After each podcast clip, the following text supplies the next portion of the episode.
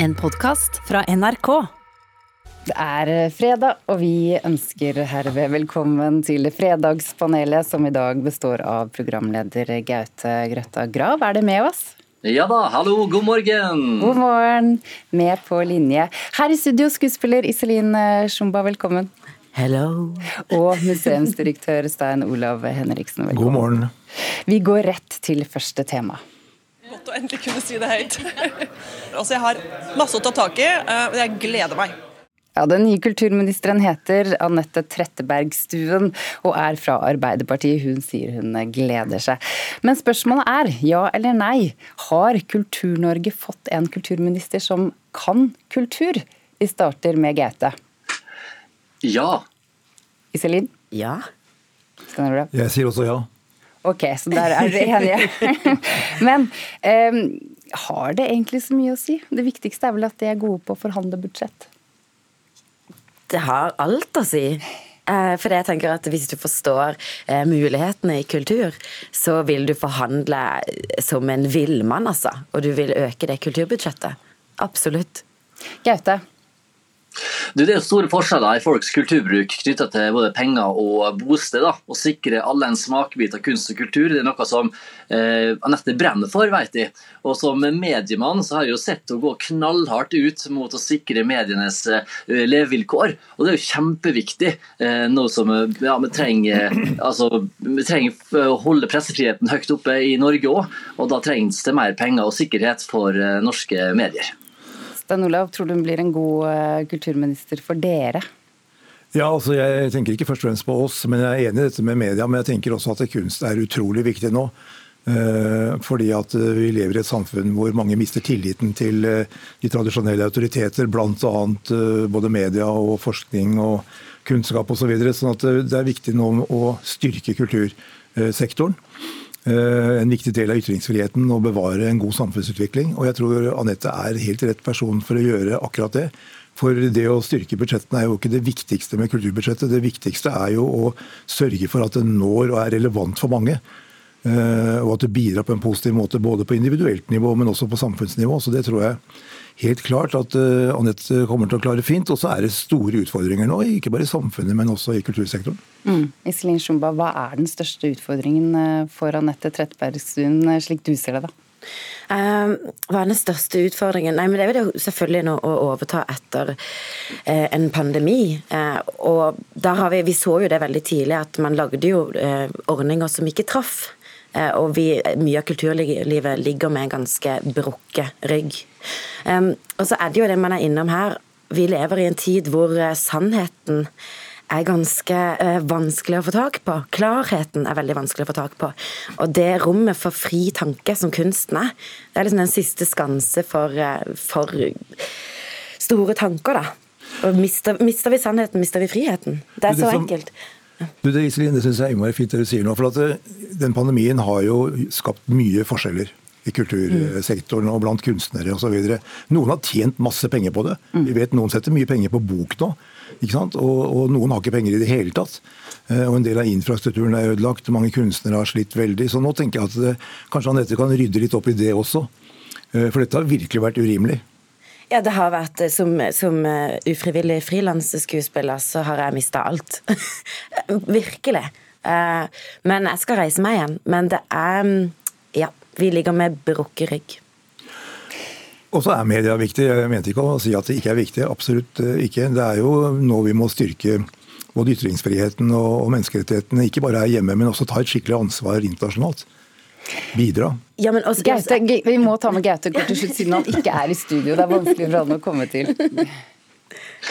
Ja, du, jeg synes Det er kjempeviktig at vi får gjennomgått eh, stipend og støtteordninger for kulturlivet nå. fordi at eh, ja, Høyre har vel kanskje tenkt at eh, til mindre kunstnere får, til mer smerte og god kunst kommer det ut av det. Jeg tenker vel kanskje heller at forutsigbarhet da, for å være kunstner er det som skal til for å kunne leve ordentlig av det å være kunstner, og det gir de beste resultatene. Så Jeg har store forventninger til dette. og ja, Hun kommer til å kjenne på det hvis hun ikke leverer, tror jeg. Neste tema.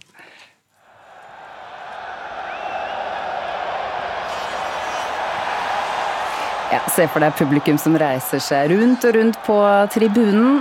Bølgen skal ha oppstått eh, under fotball-VM i Mexico på 80-tallet. Norges fotballhelt Mohammed Elionose roste Ullevål-publikummet i VG etter kampen mot Montenegro på mandag og sa bølgen ga ham masse energi. Men flere syns fenomenet er pinlig, at det tar fokuset vekk fra det som skjer på fotballbanen. Så spørsmålet er ja eller nei, og vi starter med Gaute. Bør man ta bølgen på på landskamper? Ja. Iselin? Tja. Ja. Å, dere er så enige i dag. Hvorfor det? Det tar jo fokuset vekk fra det som skjer på scenen. Men gjør, gjør det det egentlig? Det er, man skal være ganske dårlig på multitasking om man ikke klarer og Det er jo en sånn utrolig vanvittig Du kan ikke tenke deg en større syklisk sameksistens enn dette her. Det er veldig enkelt. Men det er kanskje det at det, Eh, hvis det, hvis det for, si, forstyrrer de som holder på på banen, så selvfølgelig ikke. Hvis de går ut og sier at dette er kjempevanskelig for meg, jeg klarer ikke å fokusere på spillet, så må det diskuteres. Men bortsett fra det, så ja. En av påstandene her er jo at de som liker bølgen, ikke egentlig er så interessert i fotball. Eh, da kunne jeg vært med på den bølgen, for jeg er ikke så veldig interessert i fotball. Men jeg husker Arne Skouen en gang, filmmannen og forfatteren, eh, sa at eh, fotball er som ballett. Og det kan, jeg, det kan jeg se. Så jeg syns det er litt gøy å se på fotball litt for at det er så utrolig virtuost og, og fint å se på. Men så vet jeg også at det siste man skal spøke med her i landet, det er jo idretten. Ja. Og for en som har jobbet med kultur og kunst hele livet, så, så har vi respekt for det. Men jeg tenker at det er jo lek da, når alt kommer til alt. Det er jo ikke liv og død, så vidt jeg vet. Det er lek på høyeste nivå. Gaute, forfatter Dag Solstad er en av de argeste kritikerne til Bølgen, så vidt jeg har skjønt. Er dette en debatt der finkulturen eh, møter rølpefansen? Du, jeg, jeg, jeg syns ikke dette er så rølpete. Jeg syns det viser en finstemhet, ikke minst eh, samarbeid mellom eh, rivaliserende lag.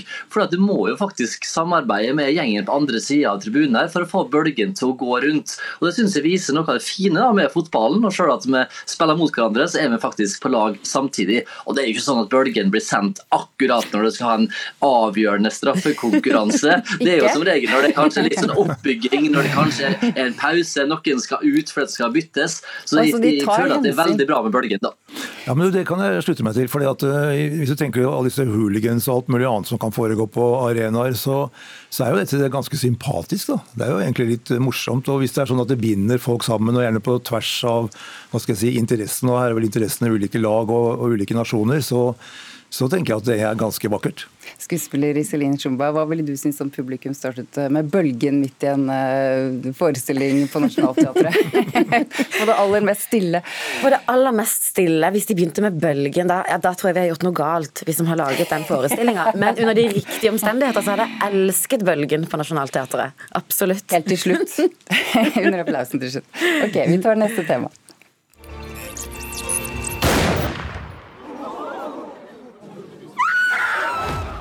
Ja, nå tror jeg de fleste kjenner igjen lyden av uh, denne Netflix-serien. Uh, det er en historie som har blitt sett av flest mennesker over hele verden til nå i Netflix' historie. Den er både mørk og voldelig og handler om gjeldsslaver som konkurrerer i barneleker om masse penger, og den som ryker ut, blir drept. Vi diskuterte denne serien også forrige fredag i panelet da, men vi tar den opp igjen i dag, for siden da så har flere kommet uh, fram og sagt at de tror at Squid Game kan motvirke rasisme. Spørsmålet er ja eller nei. Vi starter med Iselin. Kan en TV-serie som dette gjøre folk mindre rasistiske? Ja. Gaute? Nei. Stein Olav? Jeg mener også nei. Åh, endelig litt enighet her. Da starter vi med Iselin. Hvorfor har du sånn tro på det? Eh, nei, det er jo mange ting vi burde diskutere med denne, denne TV-serien. Men det at vi sitter og ser på komplekse eh, en rollebesetning som er, De er komplekse karakterer. Du får, du får se de som onde, som snille, som, som kjempende, som de som gir opp. Eh, det, og det at alle har en asiatisk bakgrunn, nesten alle. Det er bare Det er så sunt for oss å sitte og se på. Og det at vi sitter og ser opp til dem, og at vi heier på dem, og at vi føler med dem. Man skal ikke undervurdere det, og den representasjonen og det at vi sitter og ser oss selv inn i den situasjonen. Det gjør så mye med oss. Eh, og vi er ikke vant til det. Gaute, hvorfor er du uenig i dette? Det er fint at asiater på mange måter ikke bare blir vist i karikerte roller, det er jeg helt enig i. Men Korea har jo et stort problem sjøl når det gjelder rasisme. da. Fordi at Sånn som Ali, den ene få, eller eneste som er litt mørkhuda i den serien, bortsett fra asiatene mm, sjøl, han er jo pakistansk fremmedarbeider. Og fremmedarbeidere i Korea lever under veldig dårlige forhold, spesielt han, som da kanskje er udokumentert i tillegg. Og i Korea er det mye fokus på blodlinje, og ikke så mye på hvor lenge du har bodd i landet. Så at de kanskje sjøl sånn sett får litt wake-up call med å se hvordan de utenlandske fremmedarbeiderne blir behandla. Det kan kanskje ha litt push, men jeg tror dette er så knallhardt nedarva hos seg sjøl at de har en stor utfordring med egen rasisme? Jeg har litt vanskeligheter med å, å, se at dette bidrar noe positivt i forhold til akkurat dette med forståelse for andre kulturer. Jeg syns det virker ganske spekulativt, men jeg har jo ikke sett det, så jeg må være litt forsiktig. okay. Men jeg kommer ikke til å se det heller. Det jeg tenker er at eh, det er jo viktig å forstå andres kulturer. og Derfor syns jeg også det at det med kunst og kultur er, er, viktig. fordi at det gir oss innsikt. Det gir oss også innsikt i andres tankesett og hva man har reflektert over. Hva man har beskrevet uh, gjennom tusener av år. Det er jo det kunsthistorien handler om, egentlig. Alt det folk har reflektert over i alle mulige kulturer. Ja, og, så det er veldig fint. Og hvis ikke en sånn ja. serie som tydeligvis gjør så sterkt inntrykk på folk, eh, kan gjøre noe med rasistiske holdninger, hva kan være mer effektivt da? Jeg vet ikke, Hvis dette bidrar til å åpne opp eh, for en la oss si asiatisk, eller i dette tilfellet er det vel koreansk kultur, så er jo det bare fint. Eh, men sånn sett helt utenfra så, så, kan jeg ikke se det helt for meg. Jeg kan godt tenke meg at det er mye annet som er, som er kanskje viktigere eh, sånn sett. Men eh, det at det er følelsestungt, det, det, setter kanskje i gang refleksjoner hos folk. Jeg bare ser ikke helt forbindelsen over mot, mot dette med kulturell forståelse og toleranse osv. Og, så og det syns jeg er veldig viktig. At man klarer å opprette toleranse for andre måter å tenke på, andre kulturer, hvorfor folk er annerledes. Eh, men, eh, men, hvordan dette hjelper i den forstand, det som sagt jeg har ikke så mye tro på det. Men jeg hører Iselin selv fra et teatersynspunkt. Det er jo interessant. for det kan godt Det er jo et sterk serie, det er åpenbart. Mm. Så vi får se.